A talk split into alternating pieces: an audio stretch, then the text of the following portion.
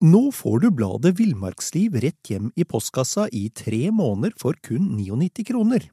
I Villmarksliv kan du lese om norsk natur, ærlige tester av klær og utstyr, og mange gode turtips skrevet av erfarne friluftsfolk, fiskere og jegere. Send SMS VILL36 til 2205 og motta bladet allerede neste uke. Lev livet villere med bladet Villmarksliv. Many of us have those stubborn pounds that seem impossible to lose, no matter how good we eat or how hard we work out. My solution is PlushCare. PlushCare is a leading telehealth provider with doctors who are there for you day and night to partner with you in your weight loss journey. They can prescribe FDA-approved weight loss medications like Wagovi and Zepbound for those who qualify. Plus, they accept most insurance plans. To get started, visit plushcare.com slash weight loss. That's plushcare.com slash weight loss.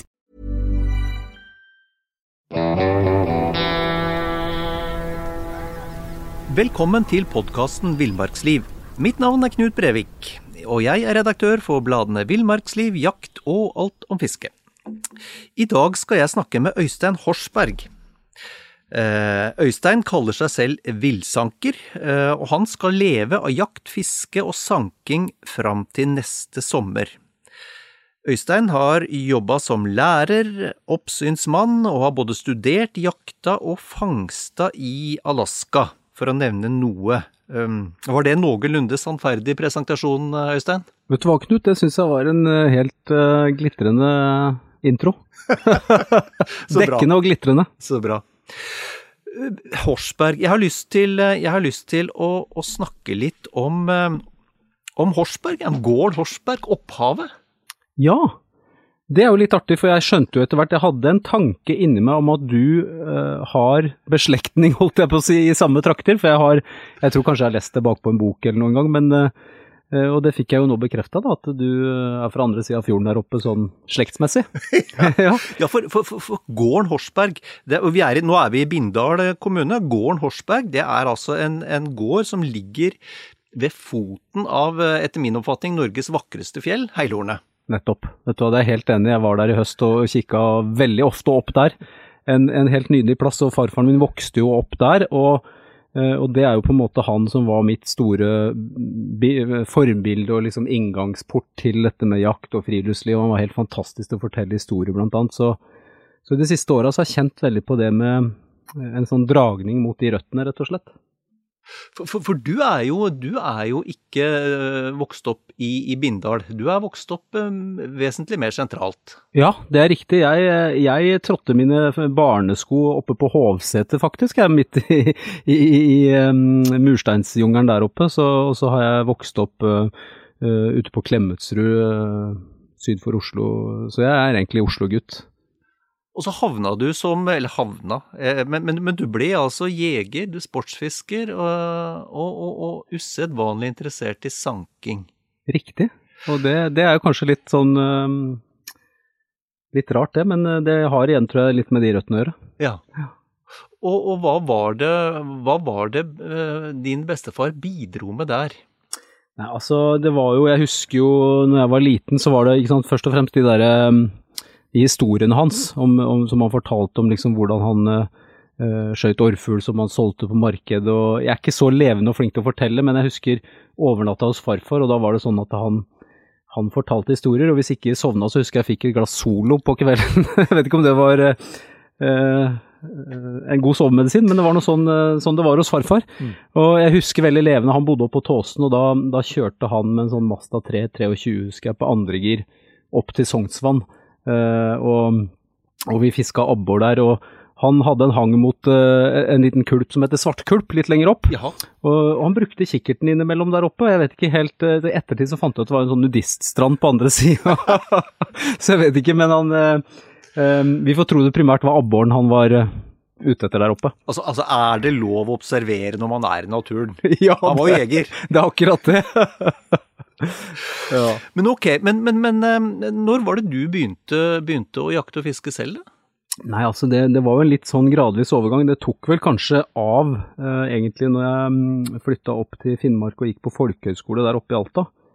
Eh, og da, da, ble det jo på en måte friluftsliv og jakt og fiske døgnet rundt eh, et år på slutten av 90-tallet der, da. Ja. Men før det så hadde jeg jakta litt sammen med onkelen min og eh, sånn nede i Vestfold. og Fikk dessverre aldri vært med farfar på jakt, han døde i 94, så, men eh, jeg var heldig og fikk arve, arve en grom hagle og en eh, gammel Saco etter han, så det var kjempefint. Akkurat, så da var du greit rusta til jakta? Ja, jeg var det. Ja. Jeg var det. Du, vil jeg bare spørre deg, fordi det har jeg reflektert litt over selv, og dette med fisking og jakt og sanking. Eh, Og vi, like før vi begynte her nå, så snakka vi jo litt om, om bærpelling og sånne ting. Jeg eh, har aldri klart å få, ha så sterke emosjoner i forhold til sanking som jeg har i forhold til jakt og fiske. Altså, Det betyr ikke at jeg er- ikke er interessert i sanking, for det er jeg. Men det er ikke de sterke, de sterke følelsene rundt det. Hvordan Nei. har du det der? Du, Det er et eh, interessant spørsmål. Eh, Fra gammelt av så var det vel kanskje Nå, nå kan ikke jeg alle historiene, men, eh, men fra gammelt av så var det kanskje primært mannen som var jeger, og, og at eh, damene var mer sånn på å sanke inn ting. Det, det er jeg ikke sikker på, men jeg, jeg har nok eh, Jeg finner nok, eh, kan du si, egentlig Jeg finner nok faktisk eh, nesten like mye glede i det etter hvert, da. Ja. Kanskje jeg har blitt litt skjørere med åra. Farfar ble veldig sånn, han, øh, han kunne ikke ta livet av ting på slutten, husker jeg. Så Nei, nei. kanskje jeg har blitt en litt mindre blodtørstig jeger. Men, men det er nok jakta som kanskje er det som, som trigger meg mest ennå, da. Mm, mm. Men det er, det er en, en stor tilfredsstillelse å se. Altså I det prosjektet her så jobber jo jeg, kan du si, med å være sanker, da, og treffe andre folk som er sankere. og jeg jeg kjenner på en enorm tilfredsstillelse når du liksom uh, ser fisken i garn eller bærbøtta som fylles. Det er veldig sånn synlige, konkrete resultater, i motsetning til en del sånne moderne jobber, da, hvor du, du Man ser kanskje ikke helt frukten av de 30 e-postene, øh, men, men du ser du ser bærbøtta som fylles, holdt jeg på å si. Og Ja. det er en veldig god følelse, syns jeg, da. Ja. Jeg er helt enig med deg. Helt Mm. enig med deg. Um, du, eh, du, eh, du har jo jobba som eh, både lærer og oppsynsmann. eh, Og, og det vil vel Du, du starta vel også med en utdanning, gjorde du ikke det? Eller du tok en utdanning innen, innen natur. Ja, stemmer. Jeg har gått, jeg har gått på det som var Landbrukshøgskolen i gamle dager nede på Ås. Ås, ja. Og så tok jeg et sånt eh, oppsynskurs oppe på Høgskolen i Nord- Nord-Trøndelag. Uh, så jobba jeg litt som naturoppsyn oppe i Jotunheimen, og, så- og så tok jeg ped og jobba som lærer noen år, da. ja. Uh, ja. Men, men er ikke, jeg tenker, var ikke jobben som oppsynsmann, for det har jeg av og til drømt om, ja. er ikke, er ikke det helt perfekt når man har vår interesse?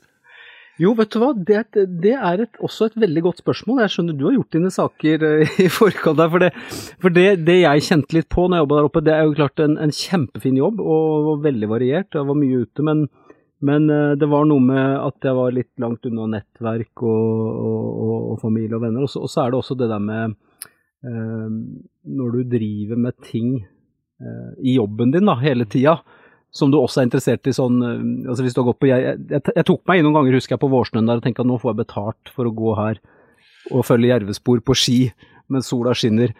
Uh, Det er greit. det, det, det er greit, det er veldig greit, men samtidig så kan det bli nesten litt sånn for ikke sant, når du, når du jobber med noe, så har du alltid en hensikt, et mål, noe veldig sånn, så det, det blir liksom, det blir ikke så lett å dra ut på en vanlig tur kanskje i helga, og det, uh, det gjorde nok litt med mitt sånn uh, friluftslivsglede, rett og slett. Da. Mm, mm. Så, Men, men den der ser jeg. ja. Eh, Det man, eh, det man velger å leve av, det mister jo fort litt glansen. eh, Ja. Sånn, sånn i, i forhold til fritida, da. Absolutt. Absolutt. Ok. Um, så Og, og, du- og jobba som, som, som lærer på, på videregående. På videregående, jobba nede på en videregående skole syd for Oslo i noen år, da. Eh, Fram jeg rett og slett fikk meg en ordentlig smell. Altså jeg eh, Jeg eh, Jeg tror ikke jeg kan skylde på jobben, ikke sant. Det er, eh, det er vel kanskje mange ting, da, privat og ting som gjør at man Det kan være mange ting, det. Ting man bærer på og sånn fra fortida. Men jeg gikk jo i hvert fall ordentlig i veggen, da, i 2016. og og det begynte med at jeg rett og slett begynte, sleit veldig med å få sove om nettene, og så balla det på seg da. Når du ikke sover over lengre tid, så blir du jo bare eh, ko-ko, og jeg var rett og slett eh, fryktelig dårlig og, og, og veldig ute av det egentlig i, i flere år, da. I flere år, ja. I flere år, faktisk. Du verden. så det var eh, tøft. Det er mange som opplever noe lignende i dag, men det, Men det er vel en sånn sjelsettende ting som også kanskje gjør noe Det er vel en floskel som mange sier, men, men jeg tror det gjør noe med eh, kanskje prioriteringer og sånn eh, i livet, da. At man kanskje tar noen valg, f.eks. For i forhold til dette prosjektet her, da. At jeg liksom eh, Jeg ofrer noen pensjonspoeng for å hive meg ut i noe som jeg vet eh, gir meg noe, og som det er substans i, da. Mm, mm. Og som ikke tapper meg eh, på en måte som er usunn. Mm. Ja, og, og, vi skal komme, komme tilbake til prosjektet, men, men, det du sier der, det, dette er jo ikke et prosjekt som gjør at du vasser i penger? Nei, det er sant. Det er sant. jeg kjører en bil til 10 000 kroner som jeg fant utafor Finn, faktisk, rundt juletider. Jeg hadde en helt lik en. Årets bil 2000, en sånn Yaris Verso. Eh, jeg har 2004-versjonen, da, men eh, girkassa på den gamle tok kvelden, og så, og så fant jeg uh, en annen utenom Finn, faktisk, som jeg fikk til spotpris. Da, så den, den cruiser jeg rundt i. ja, ja. Men du, uh, vi må litt tilbake til smellen. Uh, fordi mange Vi lever jo i en veldig opp... Hva, hva, skal man si? Oppjaga samtid. Ja. Hvor det er massevis av krav og forventninger, og, og, det piper i telefonen hele tiden, og, og det ene med det andre. Ja. Og du gikk på en smell, og, ble, og ble liggende i flere år. Jeg var, eh, jeg var, rett og slett eh, fryktelig dårlig over, eh, over mange år. Hovedsakelig fordi jeg ikke Jeg fikk egentlig aldri sove Nei. veldig godt. og, og, prøvde selvfølgelig da veldig mange ulike innfallsvinkler. Dietter og kurer og, og, rota meg inn i Google og, og prøvde mange ting. Vel og bra, men, men var rett og slett bare helt kjørt på, på, så mange vis. Ja. Um,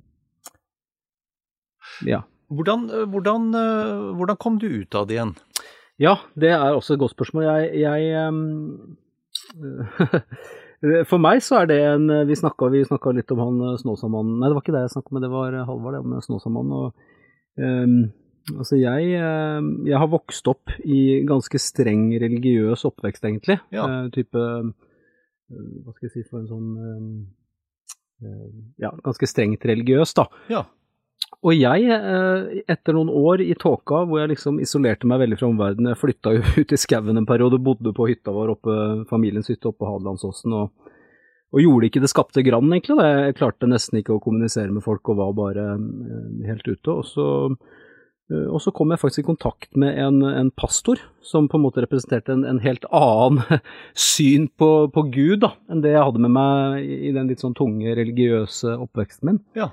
Uh, og det er klart, sånne ting i oppveksten setter jo også spor i, i sjela til folk, og jeg var liksom redd for uh, Kanskje det kommer litt opp i noen ganger, da, ting fra barndommen. Jeg var redd for liksom uh, helvete og, og, mye sånne ting som jeg hørte om, og som, jeg, som på en måte men så sa han pastoren sa en ting til meg at, eh, at du vet at uh, ifølge Jesus så er det umulig å, å, være kristen og religiøs samtidig. Og det var ganske bra sagt, syns jeg, da. For jeg, jeg, har nå havna i en, en, en, en, en, gudsforståelse som er på en måte radikalt annerledes i forhold til det jeg vokste opp med. Uh, at Gud elsker alle mennesker, og, og at, ikke, at det ikke er på vei til helvete, for å si det sånn. Ja. Så, sånne ting kom litt opp i meg. Jeg kan ikke heller si at det kanskje var eh, Det er aldri én grunn til sånt, ikke sant, men, uh, men det også var eksistensielle ting jeg gikk og bala med, da.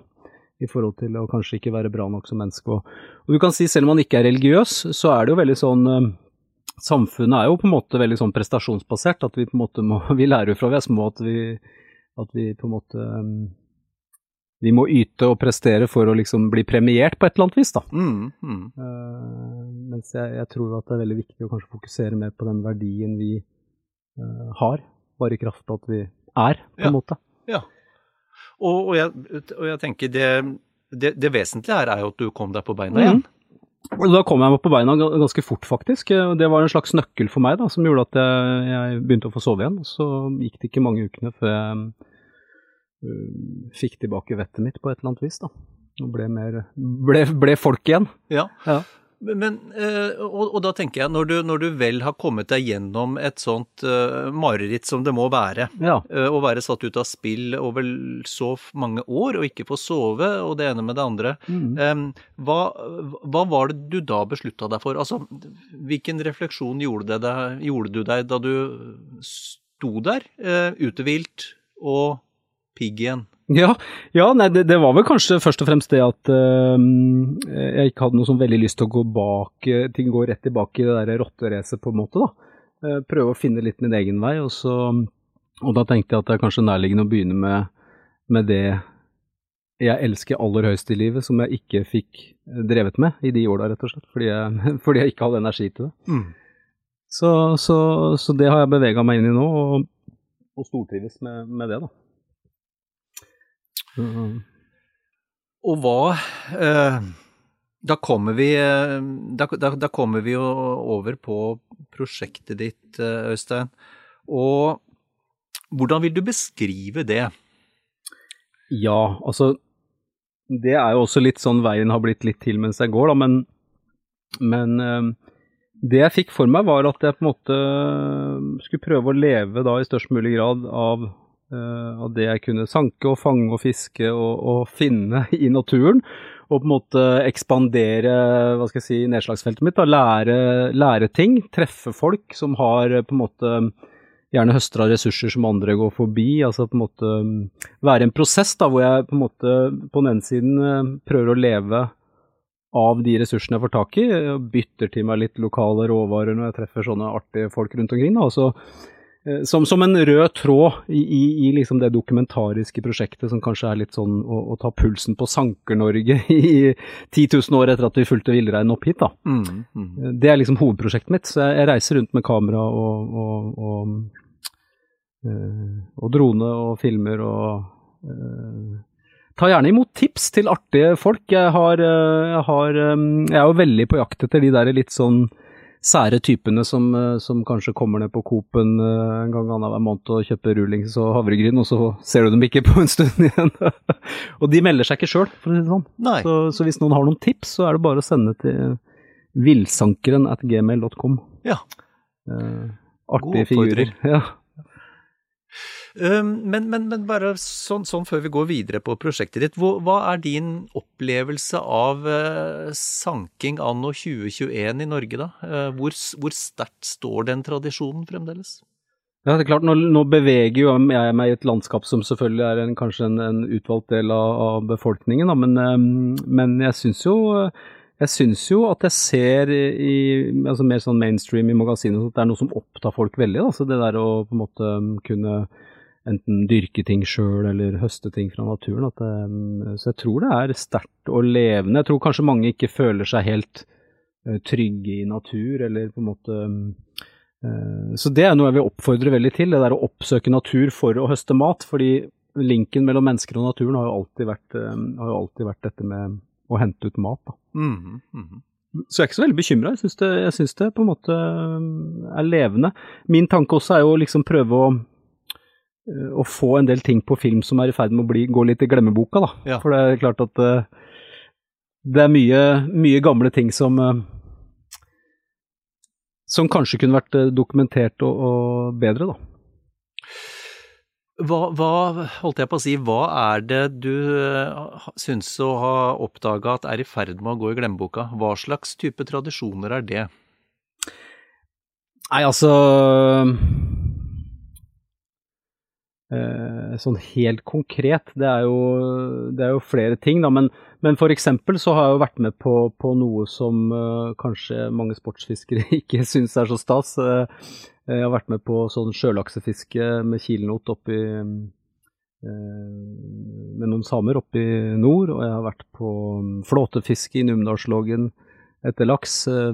flere hundre år gamle fangstmetoder som jeg syns er eh, veldig interessante. og Da snakka jeg med en biolog, blant annet, fiskebiolog der nede i Numedalslågen. og han, han, mente jo at eh, uttaket da eh, ved disse eh, flåte, flåtefiskestasjonene ikke, ikke, påvirker gytinga i noe særlig grad. Så, så, det er liksom litt sånne ting, da. Litt sånne ting som, som kanskje noen jegere og fiskere syns er litt uh, fy-fy, da, men uh, jeg syns i hvert fall det er spennende å, å, dykke inn i det og se på hva som finnes av sånne ting. Ja, ja, selvfølgelig. Og, så lurer jeg på, hva tenker du om, tenker du om de siste par åra med, med, korona og den usikkerheten det har skapt, og, og interessen for å høste i egen bakgård? Ja, det, det, kan du si. Det kan jo godt tenkes at at folk har blitt mer opptatt av det med liksom at man ser at det er ikke gitt at på en måte matforsyningslinjer og sånn Kanskje ikke så direkte knytta til korona, da, men man hadde jo de derre hamstringstendensene i starten der hvor det gikk mye dopapir og og sånn, jeg, jeg, vet ikke. Vi snakka jo litt om det der oppe i stad, men øh, Det kan jo hende i hvert fall at det nære, når folk ikke reiser så mye ut i den store verden, at det nære blir mer appellerende på et eller annet vis. da. Vi har jo mm, mm. utrolig mye ressurser i Norge og flotte Man sier at Norge er et lite land, men det, nå har jo reiser jeg mye rundt i Norge, og det er jo, det er jo så mye fantastiske plasser. Man må jo ha et, et, mer enn et liv for å komme seg gjennom Norge. Ja, definitivt. Ja. definitivt. Nei, nei, det bare, jeg bare tenker på det, Øystein. Uh, med, med, denne pandemien som vi nå er i ferd, forhåpentligvis, med å gå ut av, så, så, har det vel kanskje sneket seg inn en liten usikkerhet i mange menneskers liv. Altså Tidligere så har jo mange levd i en, eh, en, en slags oppfatning om at ingenting ondt kan hende oss. Alt er, alt er fiksa, alt er regulert, alt er ordna. Har massevis av penger det er tomater i butikken, slapp av. Og så har det kommet en liten usikkerhet inn i menneskers liv. Mm. Og da tenker jeg kanskje at eh, Men da Ok, eh, ja vel, ja. Så det er sånn at her kan det skje store ting. Mm. Kanskje, kanskje, har det en viss interesse av å lære seg å plukke bær. Kanskje har det en viss interesse av å lære seg å finne vekster, fiske. Nettopp. At det treffer et eller annet sånt helt grunnleggende i oss, dette med behovet for å ha tilgang til, eh, til, til mat. Mm. Det tror jeg er et kjempegodt poeng. Altså, vi er jo Det er jo liksom vi har, vi, Genene våre er jo sankergener mm. og, og, og, jegergener, og det er klart at um, det var ikke uten grunn at vi kara oss helt opp hit etter villreinen, og, og, det sitter i blodet på mange, tror jeg. da. Mm. Så, så, det tror jeg er et kjempepoeng. og um, ja, det å være oppleve seg litt sånn Å kunne ha i hvert fall en delvis sjølforsyning, det tror jeg kan gi de aller fleste mennesker en, en stor uh, glede, da. Mm, mm, mm. Så jeg faller litt ut noen ganger av uh, hvor jeg vil hen, men du Nei, men dette bare, uh, ja. Noen ganger så glemmer jeg spørsmålet mens jeg snakker. jeg vet ikke om det er et dårlig tegn? Men, nei da, det er helt, helt, helt vanlig. Ja. Um, nei, fordi jeg, jeg, jeg, ser du har jo åpenbart truffet en eller annen nerve i, i, i vår tid med prosjektet ditt. Eh, for da jeg skulle lese meg litt opp eh, på deg i forkant her, så er det jo, er det jo en, en, voldsom medieinteresse. Ja, jeg har vært heldig å få Nå kom jeg akkurat fra reiseradioen nå i stad, og, og um, tar vel det som et tegn på at det, måte, det er um, en lengsel, I, i, også i folk som er kanskje fremmed for det, det aspektet her ved å være ute, da. Mm, mm. Så, så, det er topp. Så jeg håper jo på Jeg filmer jo mye, som sagt. Jeg håper jo på en eller annen produksjon som på en måte kunne komme uh, folk til glede, da. Ja. Uh, litt sånn filosofiske menneskemøter i, i, i tilknytning til sankeraktiviteter. Det, er liksom, det tror jeg er en god kombo, da. Mm, mm. Så. Og så er vi jo, det er jo inne i en tid nå hvor uh, veldig mange mennesker Nå har vi jo uh, vært i Norge de to siste somrene med, med, i, i, grove trekk, og hvor veldig mange mennesker gjenoppdager Norge. Ja. Og da er det jo ikke usans så usannsynlig at de også gjenoppdager noen av de vanvittige mulighetene, bl.a. for høsting, mm. som, som, jo er her. Nei, Nei det, det, kan vi jo håpe på, da. Mm. Og håpe å inspirere noen, noen, folk til det, og det driver jo dere med i, i Villmarkslivet òg, så det er jo kjempeartig. Uh, og jeg, jeg, tenker også at um, egentlig så, så, så, håper jeg jo mer Jeg traff en kar nede på Sørlandet som heter Reidar, som jeg skal ned til i høst. og Han, han er jo vaktmester i en barnehage uh, og, og, har med seg ungene ut på, på rådyrjakt. og, og måtte, Ikke sant, det er noe med den derre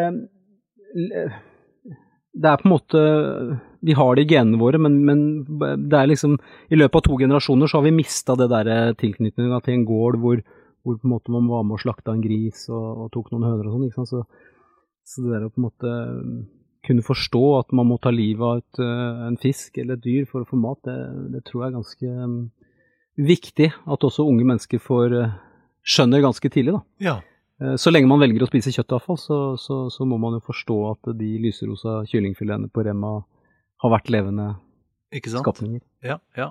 ja for, for, på enkelte områder, og dette tenk, nå tenker jeg da at det, det, på bygda så er ikke den fremmedgjøringa så stor. Men i områder som der du og jeg har vokst opp, så, så er ikke det noe sånn opplagt selvfølgelighet at det er en sammenheng mellom det kjøttet du, som ligger vakuumpakka i frysedisken på Meny, og at det, du faktisk må ta livet av et dyr for å få det. Altså, det er, det er ikke noe selvfølge, det. Nei. Så sånn sett så er det et ganske stort prosjekt du har påtatt deg, da. ja, og jeg tror ikke jeg på en måte skal Det er jo ambisiøst, eh, og jeg vet jo ikke om eh, Jeg håper jo at det skal bli et TV-prosjekt av det her etter hvert, men, men, det er klart at det er et langt lerret å blekke. Men uansett så tenker jeg at uh, det å kunne være med å inspirere unge folk til å på en måte forstå sånne prinsipper, det, det tror jeg er kjempe, kjempe, kjempeviktig. Rett og slett både for å, å, å, bli glad i natur og måtte ønske å ta vare på natur. Og, uh, det høres kanskje selvmotsigende ut da, for folk som ikke er jegere, f.eks. Men, men av de fleste jegere jeg kjenner, er, er mer glad i dyr enn ikke-jegere på et eller annet vis. Uh, det er kanskje vanskelig å forstå da, når man dreper dyr, men, men igjen så er jo det faktisk sånn naturen er innretta, hvis vi skal ha ja. Men, men det, det, er poeng det du sier der, for det er min opplevelse også. At, uh, at, de uh, i min omgangskrets som er mest glad i natur og dyreliv, det er nettopp jegere og fiskere. Ja. Altså, og, og, det, er ingen, det er ingen jeg, eh, som, som jeg omgås altså, altså, Det er ingen som gjør så mye, eksempelvis, for viltet som jegerne. For de har en genuin interesse i at det skal blomstre og bli mer av det, at det skal ha det godt. Ja, ja og så tar de livet av, av noen dyr i ny og ne og spiser det. Mm. Men uh, det er to måter å betrakte naturen på det der. Det, være, det ene er å være en del av det, og det andre er å betrakte naturen. Nettopp. Min, eh, min, forståelse av det er at de som er en del av det, har en sterkere kjærlighet til eh, natur og dyreliv enn de som kun betrakter det. Nettopp. Det tror jeg du har helt rett i. Det tror jeg du har helt rett i. Du er en del av det. ja, jeg føler jo det nå. Jeg føler jeg lever med årstiden og på en måte lærer veldig, veldig veldig mye spennende. Spesielt det der med mm, ikke sant, Jeg snakka litt om Jeg er jo egentlig primært kanskje jeger sånn opprinnelig, men nå, nå, har jeg jo vært og truffet mye folk. Jeg var jo en sånn kar oppe i Trøndelag som, som, eh, som eh, omsetter for en million i året på å selge uh, ville vekster, tang og tare og sopper og underlige vekster av alle slag til sånne flotte restauranter både i Oslo og Trondheim. da. Oi. Og, og, han var altså så inspirerende. Jeg var med han um, en ukes tid, eller ikke en uke, kanskje en tre-fire dager. og og lærte så mye. Jeg husker vi svingte inn i Trondheim der skulle være noe tang til en restaurant, og han, han det var liksom eh, På den asfaltbiten fra bilen og bort, så fant han flere spiselige arter, da. så, så, så, det har vært en kjempespennende verden, for jeg har ikke vært noen stor botaniker før, og, men det er så mye sånn artige, eh, artige ting når det gjelder vekster, da, ting du kan utnytte. og geiteramskudd om våren som smaker nesten som asparges. ikke sant? Som du kan, ja, løvetannskudd som du kan steke i smør og ha ved siden av biffen. og Kjempespennende. og Han karen her hadde ikke vært, han hadde ikke vært ute i naturen da, nesten før 2015, og nå er han liksom en av Norges eh, vasseste eksperter da, på professor og sånn som ringer han for å få Så han leverer 250 arter. Å, du eh, verden. Sopper, ville vekster, tang, tare, eh, bladskudd, rognebær, you name it. da. Fantastisk. Ja, og dette har du naturligvis dokumentert? Ja, det eh, har jeg filma og dokumentert. da, og Møtene med han. og Kjempeartig type. Så, for jeg spør, altså nå har jo du, du har jo vært underveis nå i, i et år, et drøyt år ja. Eh, med prosjektet ditt, og så har du forlenga det til neste sommer. Hvilke andre spennende mennesker Eller, eller for å si det på en annen måte, hva er, de, hva er de morsomste opplevelsene du har hatt i løpet av det året hvor du har vært inne i prosjektet ditt?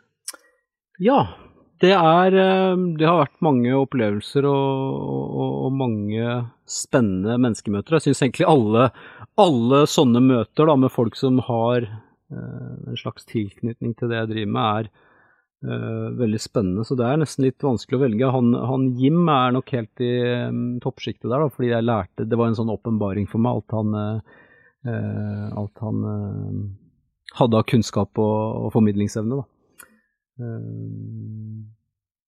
Nå kommer jeg kanskje ikke på noen sånne For det, det, er så mye, så jeg vet liksom ikke på en måte helt hva jeg skal ja, for du har ta tak i. Du har, vært, eh, du har vært mange plasser? Jeg har vært mange plasser. Eh, jeg var jo Det var kjempeartig det å få være oppe på Horsberg, da, på gården, og på en måte møte min gammelonkel på en måte som, som, eh, som, som, ligner veldig på farfar. da, Både utseende og, og lynne, og som, som, husker masse historier om farfar. ikke sant, Og vi var der i fjor og, og fiska feit, fin røye i det mm, Ikke så stor, men veldig god kvalitet. Han sa de har alltid skutt måker rundt der, så det var ikke noe parasitter eller Kjempefin fisk, da, så vi la ned rakfisk fra Horsbergvannet der og, og, ikke sant, og fiske i sitt eget vann med sitt eget slektsnavn, ikke sant. Det er fantastisk. Så det er egentlig noe av det Det var bra jeg kom på, for det, det, var, det var, så dit uh, kommer jeg nok til å dra opp igjen i, i, høst på et eller annet tidspunkt, tror jeg. Ja, ja. Det er mer å høste i skauene der. Jeg fikk skutt med et par jerper der og Nydelig mat. Ja, ja veldig.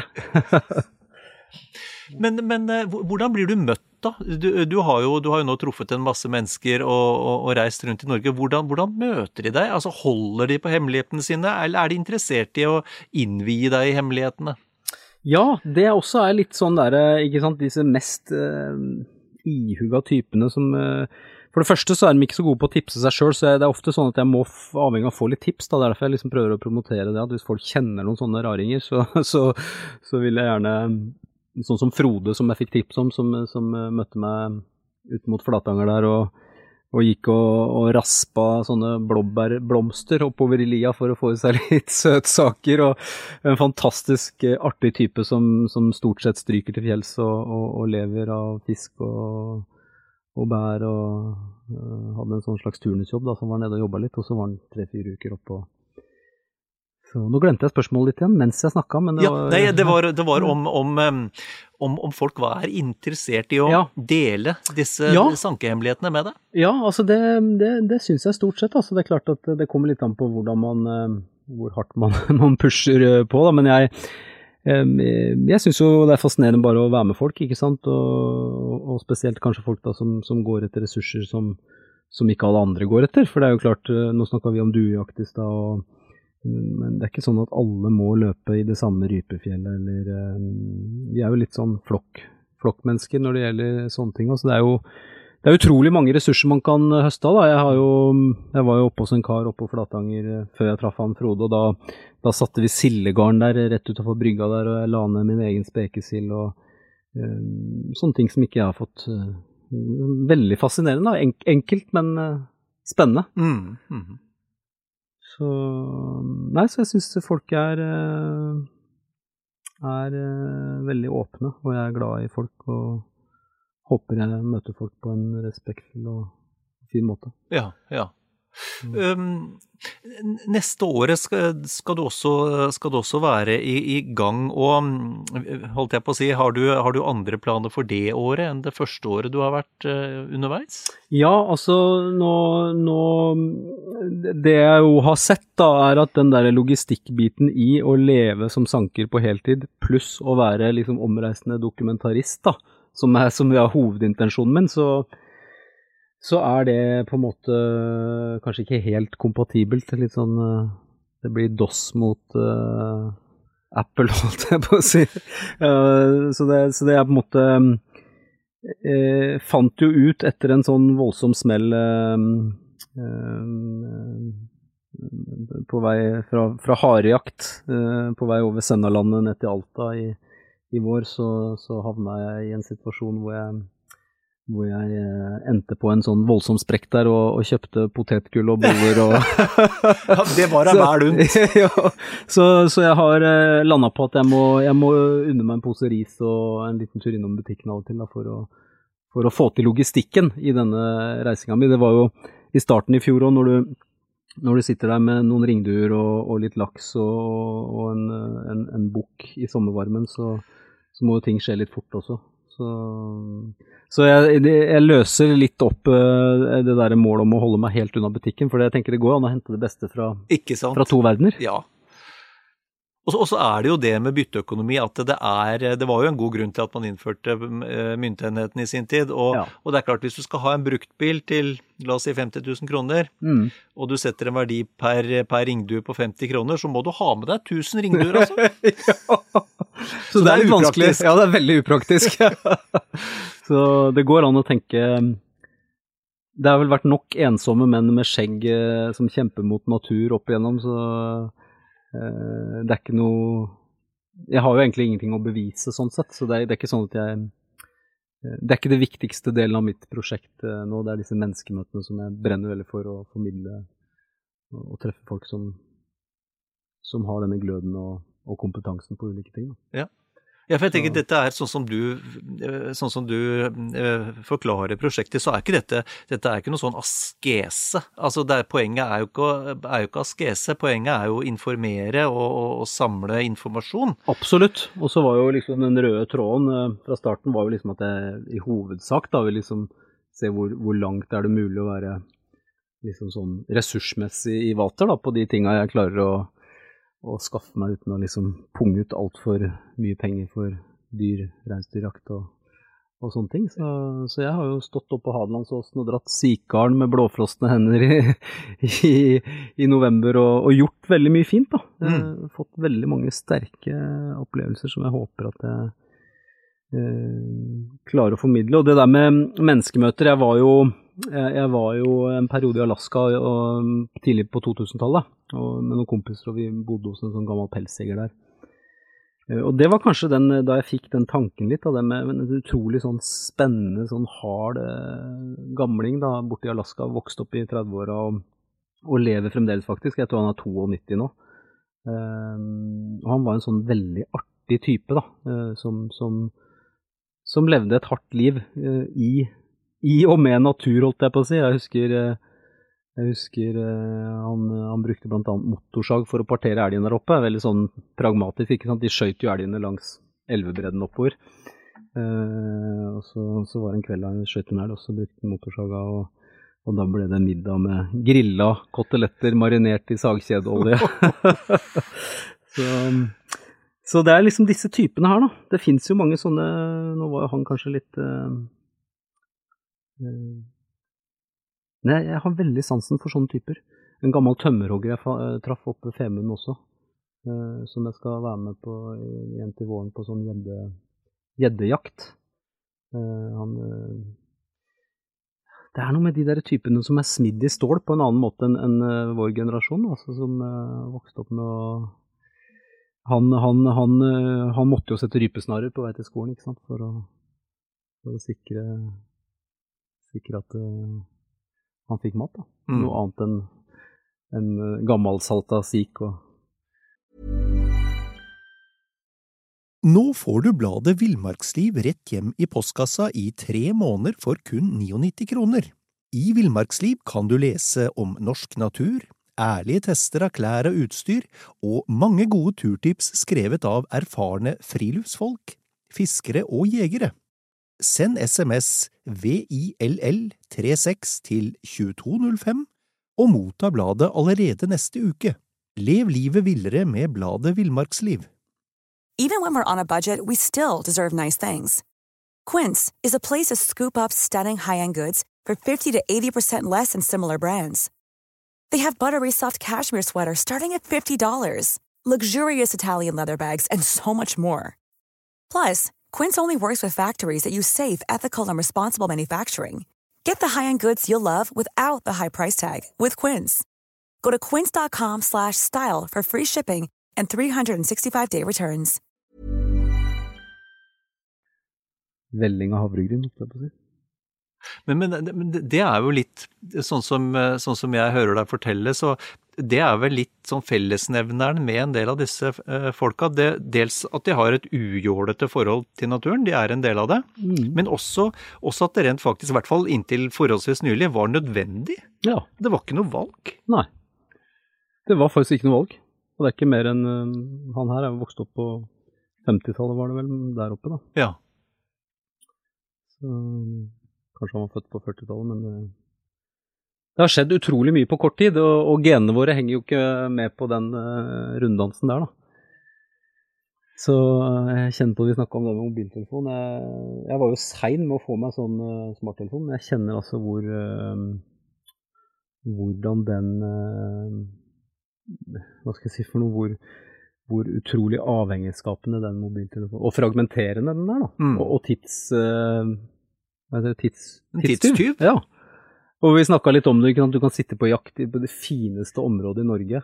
øh, Og sitte på en høyde og kikke utover, og så, og så kjenner du en sånn slags dragning mot den der telefonen, det er jo helt utrolig. Som om den har noe bedre å tilby akkurat der og da. Ikke sant? Det er sier litt om det er galskap. Det er narkotika, og det, det må vi bare på et eller annet vis um, for min egen del kjenne at det Ja, jeg har funnet ut at det å, det å skape fysisk avstand, det hjelper. Ja. Jeg prøver, prøver å legge inn i bilen, jeg prøver å legge den i en annen etasje, eller ha fysisk avstand til den. Ja. Det funker. Man, altså, man kan jo betrakte dette med mobiltelefon, og det, og det er jo ikke, ikke så mange år vi har hatt den, men, men man kan jo betrakte det som et gedigent sosialt eksperiment. Ja, absolutt. Absolutt, og jeg som var lærer en periode, leste jo litt forskning eh, da om, om dette med, og spesielt for unge hjerner, da, hvordan du på en måte eh, hvis, hvis du er stadig vekk i dialog med en passiv, eh, passiv skjerm, da, for vi, i blikket så får vi jo respons, små rykninger i fjeset, holdt jeg på å si, og at det faktisk eh, var forskning da, nå er jo det no, noen få år siden, da, men som, som antyder at, at man kan få at det er veldig viktig med den øyekontakten for å, for å lære seg ganske sånne viktige ting som empati, forstå hva demokrati er, forstå viktige ting, da. Mm. Uh, det er klart, så, så er det fort å sitte og liksom bli sånn uh, krisemaksimerende, kanskje, da, når man er litt sånn oppgitt over sånne ting. Men jeg, jeg leste også en, en uh, kronikk av en jente på, på 20 år eh, i Aftenposten som, som mente seg frastjålet barndommen sin, da. Og det også syns jeg er litt sånn Kanskje det blir som med røykinga, at uh, det kommer noen Mm. flere og flere ting som gjør at vi må ta noen grep, da. Mm. Mm. Jeg tror i hvert fall vi skal Jeg, jeg syns det er greit å ha med telefonen når man er ute på tur, men, men eh, jeg, jeg tror vi kan være enige om at den har det best i sekkelommen. Kanskje avslått. Ja. Det tror jeg. Brukes ved behov. Brukes ved behov. Men, men, men Øystein, vi må tilbake litt til det her med selvberging. Du, du var inne på det for noen minutter siden, hvor du sa eh, en, en del av målet med prosjektet var å finne ut hvor langt det var mulig å komme sånn i forhold til selvberging. Mm. Og hva fant du ut, da? Nei, altså, jeg har nok tenkt det at eh, hvis jeg skulle på en måte fortsatt, eh, og det kan godt hende jeg gjør i en eller annen form, med sjølberging, så tror jeg nok det ideelle er å kombinere Altså at du kanskje har eh, mulighet for å dyrke litt. grann, da. Og det, det, det ideelle plassen for meg er et lite småbruk, eh, kanskje ved sjøen. Med en gradient opp mot fjellet. Det er nesten sånn som røttene, røttene Ja, ja. oppe i Vinderen. da, Hvor du kan på en måte heste fisk i fjorden, ha noen poteter i hagen, Mm. og så gå opp etter eh, fjellrypa og elgen, holdt jeg på å si. Og... For det er klart at eh, jeg har blitt ekstremt imponert over de som faktisk fulgte iskanten oppover hit og klarte å overleve. Altså, for en enorm Jeg hørte han Thomas Hylland Eriksen sa en gang at de jobba bare 20 timer i uka, men, eh, men du verden. Eh, Jeg tror ikke det var her oppe. De må ha holdt på noe vakent bare for å holde seg gjennom vinteren. Jeg vet ikke hva de gjorde, om de tørka, tørka det reinkjøttet, eller hvordan de klarte seg når våren kom. da, og det liksom Litt som rådyr om våren som dauer med, med magen full av mat, holdt jeg på å si. Det, eh, fordi, det, fordi det har mindre energi, da. Mm, mm. Og så, er er det et eller annet med dette med selvberging, det er vi jo enige om, mange av oss, at det er, det er definitivt av det gode, og vi har my, my, mye å lære oss videre. Og så er det, har, jeg, har det slått meg av og til at det er en sånn hårfin grense mellom det og, og, og hva skal man si, Uh, å være eh, ja, å bli oppfatta å være som en sånn prepper. Altså, ikke sant? ja. Og der vil vi jo ikke være. Og der vil vi jo egentlig ikke være, men, men, men, det, men jeg tenker også at det er forskjell på det det er forskjell på det å gå med endetidsfantasier til enhver tid, og det å uh, ha et sunt og bevisst forhold til hvor maten kommer fra. Mm. Uh, og jeg må jo si for min del, jeg, jeg er ikke noe endetidstenker, men, men jeg syns det er betryggende å, å ha vedovn. Mm. Jeg syns det er betryggende å ha ei børse eller to ammunisjon. Jeg syns det er betryggende å ha garn og fiskestang. Nettopp. Det er et eller annet med det at For det er, det er naturlig, og det er noe trygt å vite at du faktisk da om matvareproduksjon skulle svikte, mm. så har man tilgang til vilt og fisk. Nettopp. Og det er en, en veldig styrke, tenker jeg, for et land å være, uten at vi skal sitte her og være noe sånne preppere, som du sier. Så, og vi har jo så enormt mye ressurser, altså det, det slår meg stadig vekk. ikke sant? Vi har tusenvis av tusenbødrevann som kunne vært fiska, fiska hardere med, med småmaska garn. Folk fisker jo ikke med garn lenger. Ikke sant? Jeg husker farfar for satte jo, han hadde hytte oppe på Hadeland der da, og satte jo 50 garn ikke sant, når han kom opp helga. altså det var uh, Så det er mye ressurser, og det er plass til alle. Uh, og man trenger ikke å gå i flokk. Nei, nei. Jeg har også sett du har tatt til orde for å få dette med sanking i sånn i videste forstand um, inn i skoleverket. Ja, jeg, jeg, har jo tenkt på det, og spesielt litt inspirert av han, han godeste Reidar nede på Sørlandet, da, som, som, som, virker som en fantastisk type, som virkelig går inn i det og har med seg ungene på bukkejakt og, og rusefiske med abbor om våren. og Jeg tror at vi med fordel kunne hatt en eller annen sånn greie der som, som knytta folk mer sånn praktisk og direkte inn på hva det innebærer, dette med hvor maten kommer fra. og Det høres jo sikkert grotesk ut, men det at det høres grotesk ut, å foreslå at man skal kanskje slakte en kanin sammen, eller eh, ta huet på en høne, ikke sant, det eh, når, jeg, når jeg, sier det sjøl, så er jeg nesten litt redd for å si det, det, det men det er litt rart, syns jeg. At det, at det, på en måte faktisk har blitt sånn. da. Mm. Mm. Så jeg håper at, at, sånne ting kanskje kunne kommet enda sterkere inn også i skolen. da. Mm. Mm. Ikke bare i form av ildsjeler, men også kanskje mer i, i et pensum, da. Mm.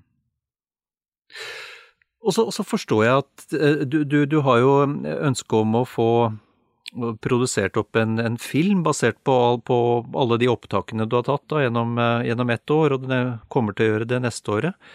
Men hva med deg selv, da, når, når dette vel er over? Eh, kanskje filmen er lagd. Hva, hva, er din, hva ser du som din rolle fremover? Jeg eh, tror nok at jeg kommer til, i så stor grad som mulig, å fortsette å leve på det viset her. Og eh, minimere forbruket mitt på et nivå som gjør at ikke jeg trenger å ha så voldsomme inntekter. Kjæresten min skal starte en kafé nå, så kanskje jeg kan gjøre som han Jim, og så levere litt uh, geitrams og, og diverse vekster. Litt sånn bjørkesirup. Jeg lagde bjørkesirup i våres. Å ja! Det kommer aldri til å mangle bjerkere Mangle grønnsaker i kjærestens kafé. Nei, nei. altså det Nei da, jeg i hvert fall Hvorfor ikke, på en måte, tenker jeg. Altså Hvorfor ikke? Altså, jeg, jeg elsker å gjøre det her. Jeg har det, jeg har det helt fantastisk. Jeg har frihet, og jeg Eh, jeg på en måte kjenner eh, mening, da. Jeg kjenner mening hele veien. Så hvorfor skal jeg på en måte mm, Ikke det at jeg har noe imot A4-livet i seg sjøl og sånn, for det er jo sånn alle sier at eh, For det er veldig mye bra med det. Men, men ikke sant Man trenger jo ikke å være Med en gang man setter seg i stor gjeld og sånne ting, da, så, så er man jo liksom litt fanga i det der å måtte tjene så og så mye for å få det til å gå rundt. og så jeg, jeg, håper at jeg kan fortsette å frigjøre meg fra gods og gull, og, og leve litt enkelt. Og ha den, den, friheten jeg, og gleden jeg opplever nå, mm. med det jeg gjør. Fantastisk. Ja. Og så, så, har jeg bare lyst til at vi, vi, gjentar, vi, gjentar, adressen hvis folk har noen tips til ja. noen eller noe spennende de eh, vil tipse deg om. Så ja. er det altså det er da villsankeren at gmail.com, og det føler jeg, nå føler jeg jo jeg snakker i menigheten. altså Det er folk som har eh, Så liksom kjenner du en sånn litt artig type som, som du tenker at oi, han der hadde gjort seg med og har spennende ting å, eh, å formidle og, som man driver med. da. Eh, enten det er å jakte, spise ungkråke eller altså, Gjerne folk som høster av ressurser som andre går forbi. Så blir jeg kjempetakknemlig for tips. Og, og hvis en sånn liten eh, drøm jeg har, er å, å få være flue på veggen på Norges særeste elgjaktlag. Det, det, det, det er liksom jeg tenker jo at elgjakta burde vært pensum for alle sosiologistudenter, for det er jo liksom, der møtes jo bygdas fiender og, og røyker fredspipe en, uke eller to før de er i tottene på hverandre. Det er, det er så mye i elgjakta, så jeg, jeg, tips til sære elgjaktlag hvor jeg på et eller annet vis kunne på en måte komme litt inn fra sidelinja som en sånn observatør. Det hadde vært fantastisk. Den, det, det, morsomme med, med elgjakt vet du, Øystein, er at det der, der nullstilles all, all sånn uh, Hva skal du si Det spiller ikke noen rolle om du er direktør eller om du er, uh, har en helt annen jobb. Spiller ikke noen rolle. Det er jo For fantastisk. der er alle i utgangspunktet like mye verdt, og så har den som er den beste jegeren, eller den som er den beste til å slakte, eller den som har de beste bikkjene, det er det som gir status der. Det er jo fantastisk. Ikke hva du holder på med. Nei, det er jo helt fantastisk. og det for, for en for Så genialt. for det er jo nok av, nok av det ellers i livet. Ikke sant? Så. Øystein, det har vært en eh, fornøyelse å prate med deg. Tusen hjertelig takk for, eh, for praten. Det var veldig hyggelig for at jeg fikk komme.